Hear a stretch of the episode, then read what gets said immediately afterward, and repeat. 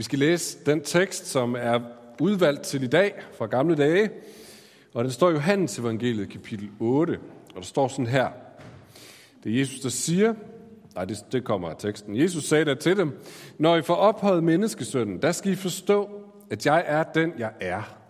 Og at jeg intet gør af mig selv, men som faderen har lært mig, sådan taler jeg. Og han, som har sendt mig, er med mig. Han har ikke ladt mig alene, for jeg gør altid det, der er godt i hans øjne.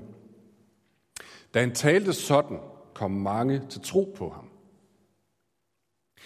Jesus sagde nu til de jøder, som var kommet til tro på ham, hvis I bliver i mit ord, er I sandelig mine disciple, og I skal lære sandheden at kende, og sandheden skal gøre jer frie. De svarede ham, vi er Abrahams efterkommere og har aldrig trællet for nogen. Hvordan kan du så sige, I skal blive frie? Jesus svarede dem, Sandelig, sandelig siger jeg, en hver, som gør synden, er syndens træl. Men trællen bliver ikke i huset for evigt. Sønnen bliver der for evigt.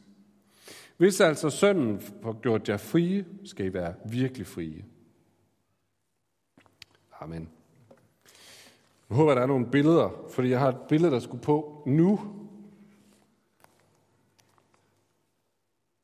Ja, kunne næsten se, hvad der er. Det er altså et lys i vinduet. Hvor mange af jer gjorde det 4. maj? Nå, der er, tid, der er rum for forbedring, vil jeg sige. Ifølge mit Facebook-feed, så var der rigtig mange, der gjorde det, og tog billeder af det, og fik lagt det op. Jeg var desværre i mit anti-tech-hjørne den dag, så jeg tog hverken billede af det, eller lagde det op på Facebook.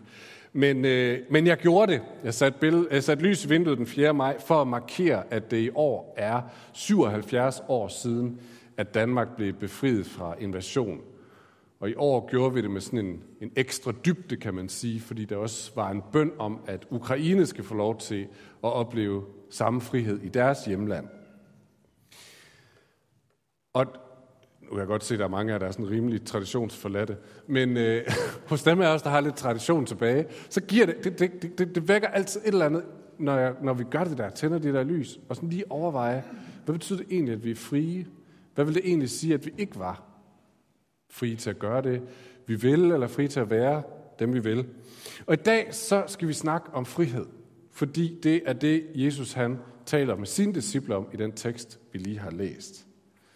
Så bare for sådan lige ganske kort opsummere den, så fortalte øh, Johannes, som skrev Johannes evangeliet også i, kapitel, øh, i vers 30, at rigtig mange kom til tro på Jesus, da han snakkede med dem om, at han var Guds frelser så var der som sagt mange, der kom til tro på ham. Og så vers efter vers 31, så snakker Jesus videre med dem her, som var kommet til tro på ham.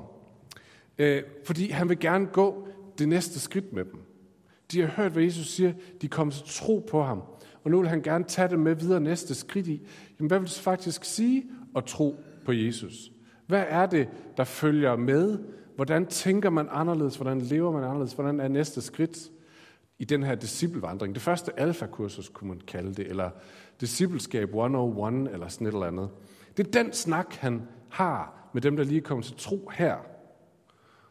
Og så er det jo interessant, om hvad vil Jesus så tage op? Hvad skal der stå øverst på listen over nye ting, man ligesom skal, skal begynde at studere, hvis man øh, er begyndt at tro på Jesus?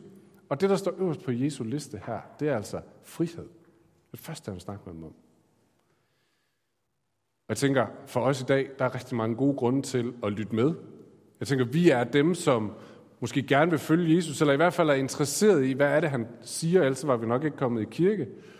Og derudover så er vi en del af en kultur, som har et enormt stort fokus på frihed som en grundværdi. Så måske skal vi lytte med og lige sige, hvad er det egentlig, han så vil lære de her nye efterfølgere omkring frihed. Og så, så her det bliver lidt langhåret.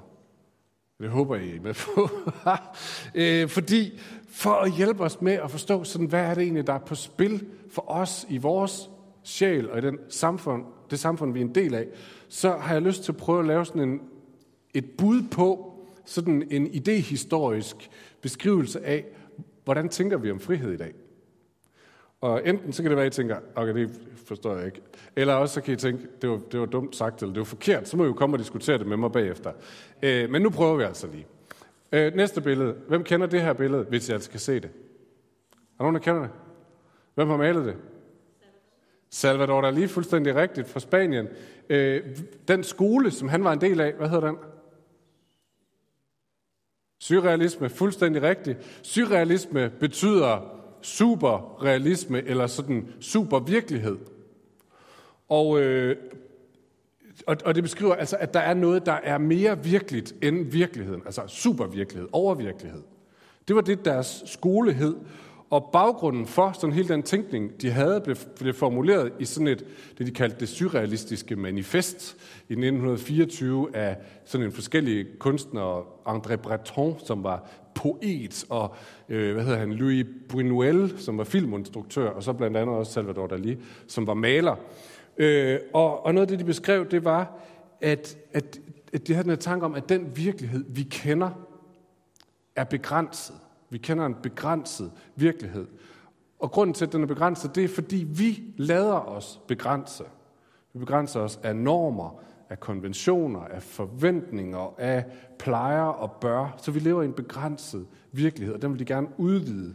For at komme med et altså virkelig banalt eksempel på begrænsninger, så, øh, så kunne man sige, hvis det nu en dag er virkelig varmt, vi er på vej derhen, hvis en dag er virkelig varmt, så kunne jeg godt beslutte mig for, at i dag cykler jeg altså på arbejde i underbukser. Øh, men det vil jeg jo så ikke gøre, fordi det, det gør man bare ikke. Det gør man bare ikke. Så det er en begrænsning. Jeg, det der med, det gør man ikke, har begrænset mig i min virkelighed øh, og i min udfoldelse. Det samme gør sig gældende for ægteskaber. Det er en begrænsning af min udfoldelse. Af parforhold, af en normal opførsel og alt muligt andet. Men det er hele tiden begrænsninger, hvor jeg begrænser mig selv, skærer mig selv tilbage fra, hvad jeg i virkeligheden kunne gøre. Øh, og surrealisterne de mener, at for at opnå eller komme frem til den her større virkelighed, supernaturalisme, eller superrealisme, supervirkelighed, så skal vi komme de her begrænsninger til livs, bryde forventningerne, lade ugerne, tiden smelte, så at sige. En af deres helt store øh, inspirationskilder siger blandt andet André Breton, som var øh, hvad hedder det, pennefører på det der manifest. En af hans helt store inspirationskilder var psykoanalytikeren Sigmund Freud, som de fleste af os nok har stødt på.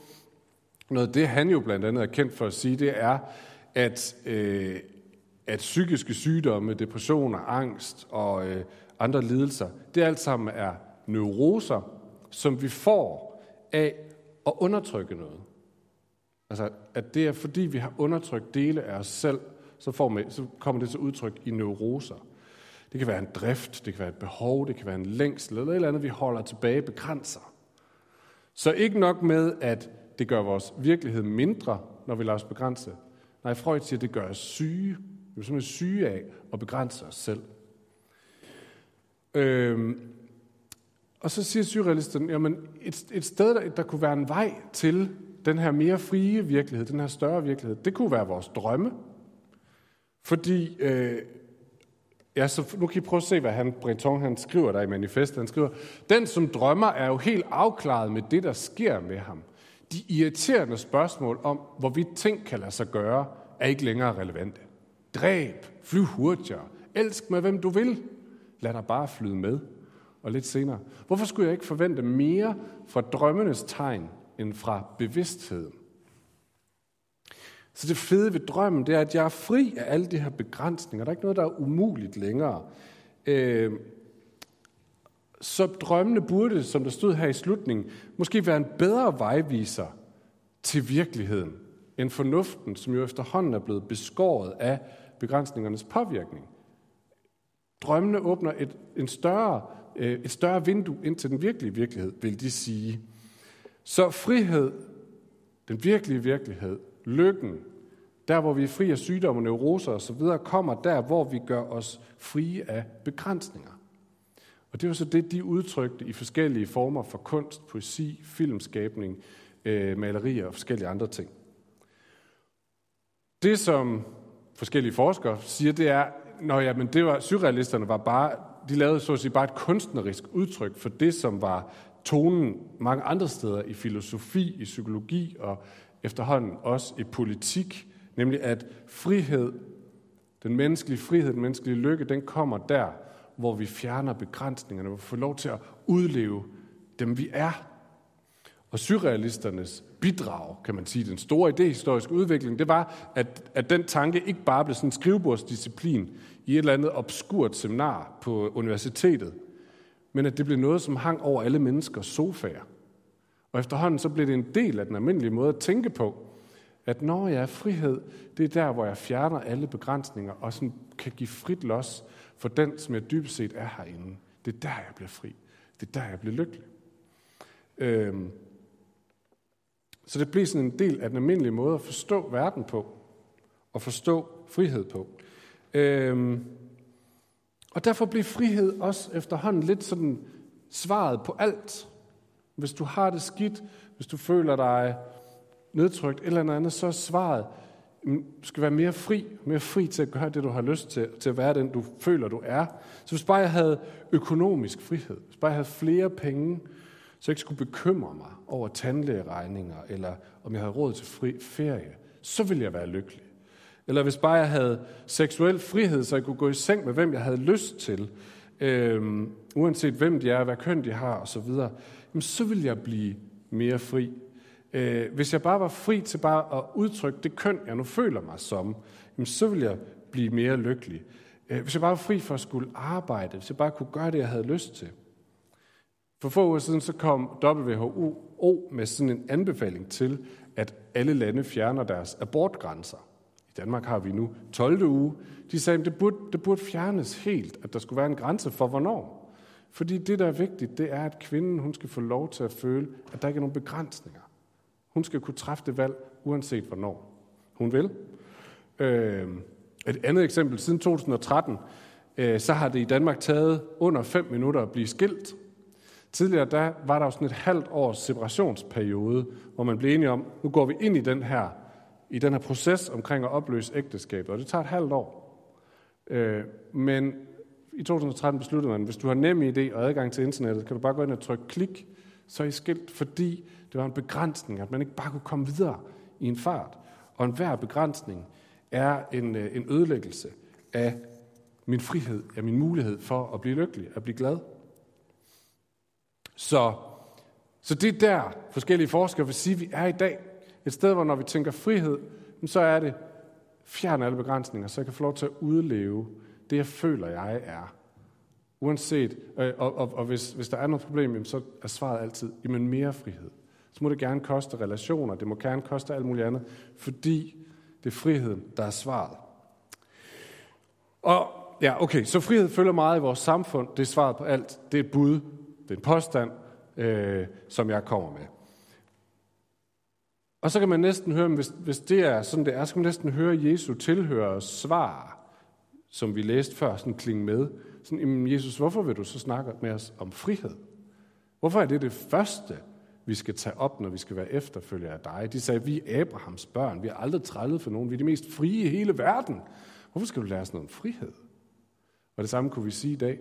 Jesus, vi har mange hundrede års idehistorisk udvikling. Vi ved alt om frihed. Vi er nået til et friere sted, end verdenshistorien nogensinde har været før. Hvorfor vil du snakke med os om frihed? Og alligevel, at der Jesus, Jesus han starter i hans discipleskab, øh, uh, 101, Hvorfor er det det? Jo, tror jeg, Jesus vil sige. Nu tager jeg hans ord i min mund. Men det synes, det passer godt med den næste sætning. For så siger han, fordi enhver, som gør synden, er syndens træl. Og når Jesus han taler om synden her, så betyder det ikke øh, enhver, som bryder enkelte moralske forskrifter, altså den som, hvad ved jeg, et eller andet, man kan finde på. Nej, det havde været synder i flertal. Han taler om synden, og når han gør det her, siger forskellige kommentatorer, så siger de, så handler det om én ting, nemlig den, som afviser ham. Den, som vælger en anden vej end ham. Så det, han siger, det er, at hvis I vælger en anden vej end mig, så bliver I slaver af den anden vej. Hvis I vælger en anden vej end mig, så ender den vej med at gøre jer til slaver af sig selv. Og det er jo ikke bare sådan en teologisk påstand, det her. Sådan en, åh, det er et højt abstraktionsniveau. Nej, det er en menneskelig påstand. Så det han egentlig siger, det er, alting, som du vælger som din vej til lykke, til frihed, til glæde, har den her evne, at den kan gøre dig til en slave. En, som kræver dig. En, som kræver alt af dig. Så hvis vi vælger økonomisk frihed som den vej, jeg skal gå for at blive lykkelig, hvis jeg bare havde penge nok, så bliver jeg en slave af økonomisk frihed, vil Jesus sige. Så er jeg tvunget til at lægge ekstra mange arbejdstimer. Jeg er tvunget til at skippe relationer, eller familiefester, eller børnefødselsdage, eller konfirmationer, fordi jeg skal, jeg skal arbejde noget mere, så jeg kan stige i graderne og tjene flere penge, så jeg kan komme derhen, hvor jeg er økonomisk fri, fordi det er jo der, lykken ligger for mig. Så bliver det en slave, der styrer mine prioriteringer, og det kommer til at koste rigtig mange andre ting. Hvis det er seksuel frihed, som er min vej til lykke, øh, der hvor jeg altid er fri til at gå videre til næste lækre seksuelle måltid, så bliver jeg nødt til hele tiden at være et sted, hvor jeg er attraktiv og spændende nok. Og den dag, jeg bliver fravalgt, så er det jo ikke bare sådan en fravælgelse, så er det en kniv i hjertet på mig. Fordi jeg vil miste min vej til lykke. Eller hvis jeg vælger frihed i sig selv som, øh, som min vej til lykke, så kan, så kan selv det gøre, blive, blive noget, jeg bliver slave af. Hvis det der med bare at være fri til at gøre, hvad jeg har lyst til, er mit mål, så er jeg altid nødt til at gøre lige det, jeg har lyst til. Så er jeg altid på jagt efter mit autentiske selv. Det her, jeg virkelig er mig. Det er det her, der virkelig er mig, jeg er i gang med at udtrykke nu. Jeg kan ikke gøre noget, som er føles uautentisk, eller føles ikke helt mig, som altid på jagt efter, hvem er det, det virkelige mig, og hvordan udtrykker jeg det? det? Og også det kan blive et slaveri og en pisk over nakken, hvor du aldrig nogensinde har ro. Okay, måske er der ikke så mange af os, der kan sådan genkende os i den der sådan lidt rendyrkede form, som jeg tegner op nu, af, af ting, man kan blive slave af. Men hvis vi blander dem en lille smule mere op, så er det måske nemmere sådan at se sig selv i. Hvad nu, hvis det er andres anerkendelse? Hvor jeg sådan, ikke bevidst selvfølgelig, men ubevidst, øh, tænker, hvis bare folk sagde til mig, ej, var du god, eller du er godt gjort, eller sejt gjort, øh, så føler jeg, føler jeg det godt i maven. Jamen selv det kan blive en slavepisker. Fordi så begynder jeg faktisk at lade det være medbestemmende for, hvad for noget tøj jeg køber, eller hvad for et arbejde jeg køber, øh, får, eller hvad for en bil jeg får, eller hvad for nogle valg jeg træffer. Fordi jeg gør det med den her i baghovedet, så kan jeg få deres anerkendelse. Og det bliver en slavepisker. Hvis jeg kender frygten for, at folk skal opdage, hvor hul jeg egentlig er, hvor lidt jeg faktisk kan, og så i desperation forsøger at overbevise dem med mit CV, mit karakter, min gode opførsel, mit udseende, så er det nogle andre, der er blevet begyndt at bestemme, og jeg er ikke længere fri, selvom jeg tror det. Jesus han siger, at hver, som gør synden, er syndens træl. Uanset hvad for en vej du vælger til frihed, så bliver du en slave under den vej. Den bliver ved med at kræve, at du giver mere og mere, så du kan blive fri. Og jo mere vi giver, jo mere bliver vi viklet ind i det net, og jo mindre frie bliver vi faktisk. Det er Jesu påstand.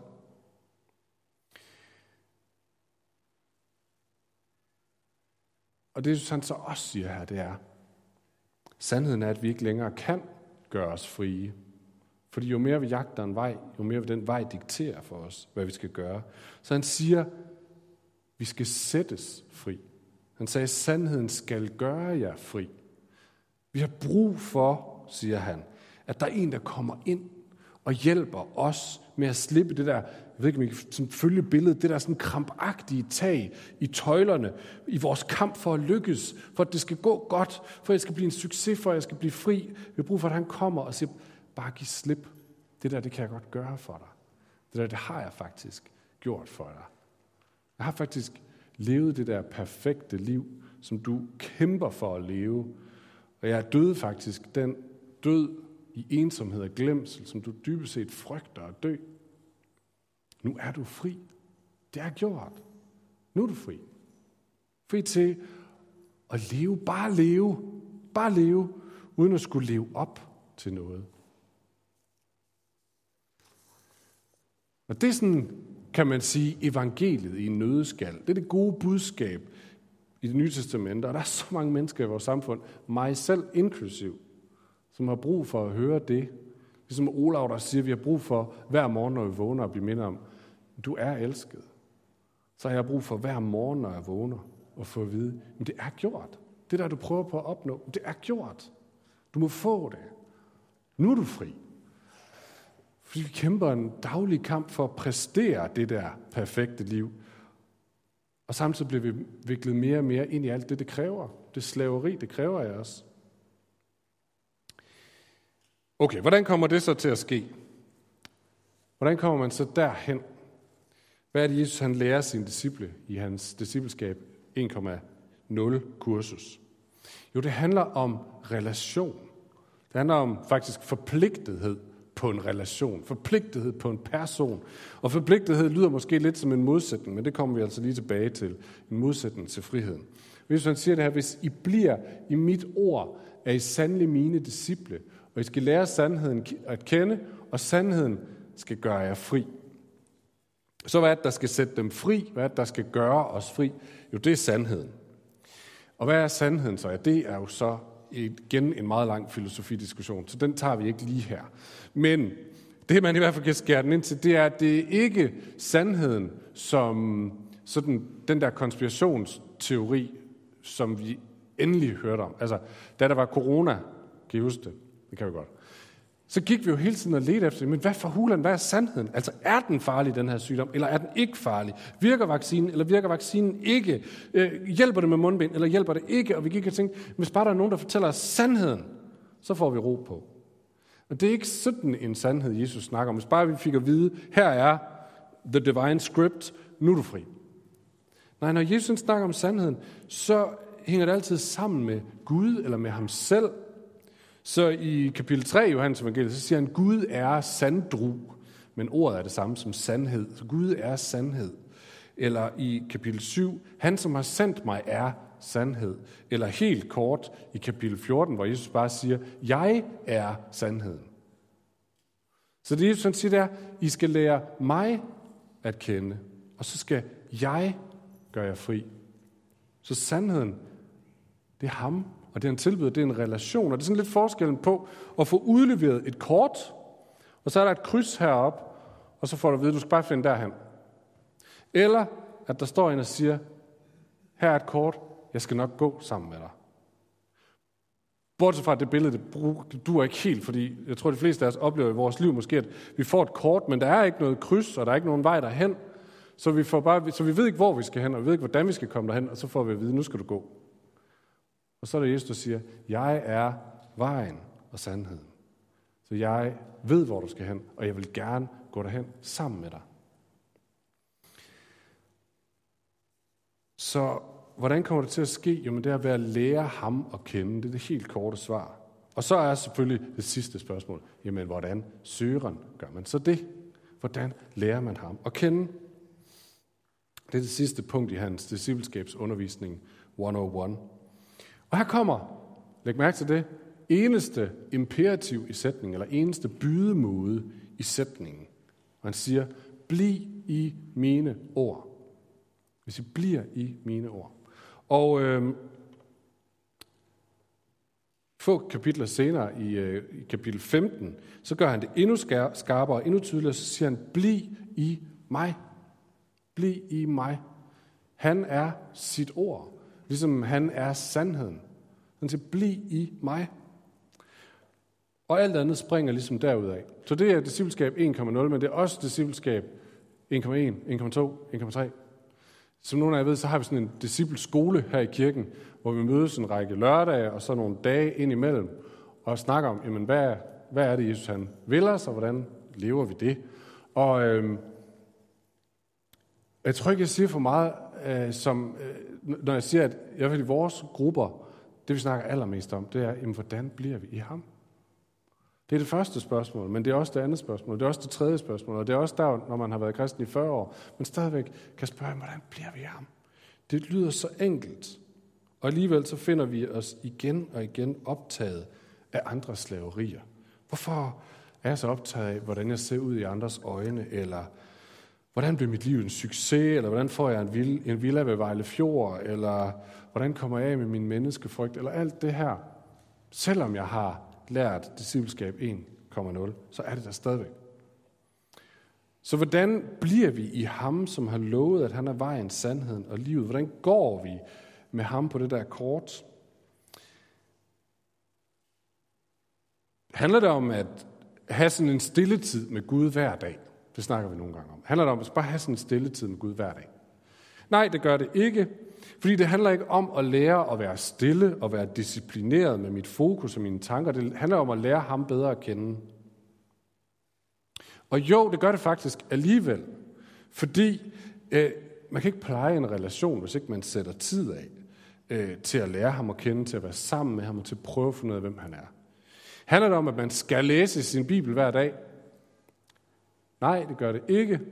For det handler ikke om at kunne sætte krydser på en eller anden bibellæseplan, eller kunne skriftsteder udenad.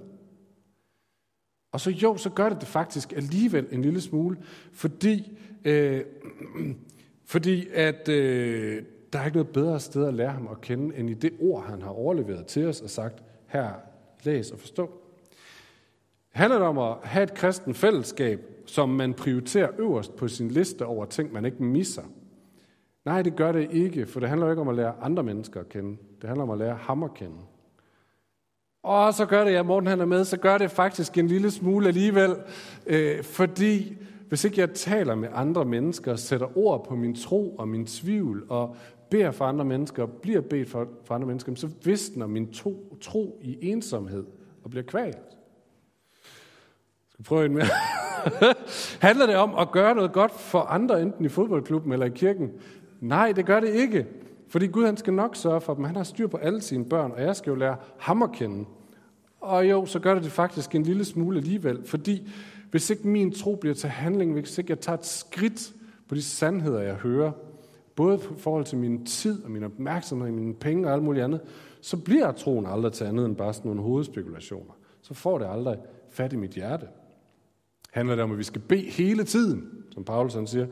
Nej, det gør det ikke, for bøn er ikke sådan en disciplin, som så giver mig nogle credits hos Gud, så jeg vokser i angstinitet. Og jo, så gør det faktisk en lille smule alligevel, fordi hele mit liv er en del af Guds virkelighed, og jeg bliver nødt til at blive mindet om igen og igen og igen at kigge på det, jeg er, og det, jeg har, og det, der sker omkring mig, som et sted, hvor Gud han er herre. Og jeg skal begynde at se, nå, her er han også, og her er jeg også, og det, han vil mig noget her. Så at lære Jesus bedre at kende, det handler ikke om at gøre fromme ting. Fordi vi skal ikke prøve at leve op til noget. Men hvis ikke vi opsøger ham på nogen måde, øh, der hvor han er at finde, så, så lærer vi ham måske ikke så godt at kende. Så nu kommer der sådan en konklusion, som er lidt provokerende, men alligevel ret fed, synes jeg. Øh, så, så frihed, frihed af Jesus kommer af at vælge at følge ham så meget som, at Paulus han ender med at sige, at jeg er blevet slave af Jesus. Og det virker sådan fuldstændig, ups, nu kørt cirklen lige hele vejen rundt. Det virker som om, han har sagt, at jeg har taget et nyt slaveri på mig. Og det er faktisk lige præcis det, han siger. Jeg har taget et nyt slaveri på mig. Men som vi så lige før, som Jesus sagde, alting gøres til slaver. Alting, hvor vi prøver på at finde ud af, at det bliver meningen og driften til, mit, til det gode liv. Så, så vi kristne er ikke anderledes end andre på den måde. Det eneste er, at vi er en lille smule pragmatiske omkring, hvad vi vælger, vi skal være slaver under. Vi er en lille smule bevidste om at vælge det, som er, er bedst. Og Jesus er altså den eneste alternativ, der siger, men bliv slave af mig. Følg mig. Øh, gå, med, gå min vej. Og så skal du få lov til at blive fri. Fordi så er det gjort. Alt det, du leder efter. Alt det, du kæmper for. Lad os bede sammen. Jesus, Det er så modsætningsfyldt at forstå det her. At du inviterer os til frihed, og det er ikke sådan en eller anden religiøs from floskel, hvor vi så skal blive sådan nogle kedelige dødbider. Du inviterer os faktisk til frihed. Og det er den frihed, som sætter vores hjerte fri, som sætter vores følelser fri, som sætter vores intellekt fri, vores potentiale fri, hvor vi bliver dem, vi er skabt til at være, og hvor vi bliver en gave til den her verden. Og Jesus, nogle gange så kan vi have svært ved at navigere i, at verden siger, at frihed det er at fuldstændig fjerne alle begrænsninger. Du siger, at det, at det ikke er vejen til frihed. Jesus hjælper os til at navigere i det her spænd øh, alle de her tanker, der er omkring, hvad frihed er, og, og leder os af den vej, som giver rigtig frihed. Leder os af den vej, hvor vi bliver dem, du har skabt os til at være. Hvor vores hjerte bliver fri. Hvor vi bliver fri fra at kæmpe for os selv. Hvor vi bliver fri, for, fri til at kæmpe for skønhed, godhed, kærlighed. Jesus, øh, led du os selv af den vej. Amen.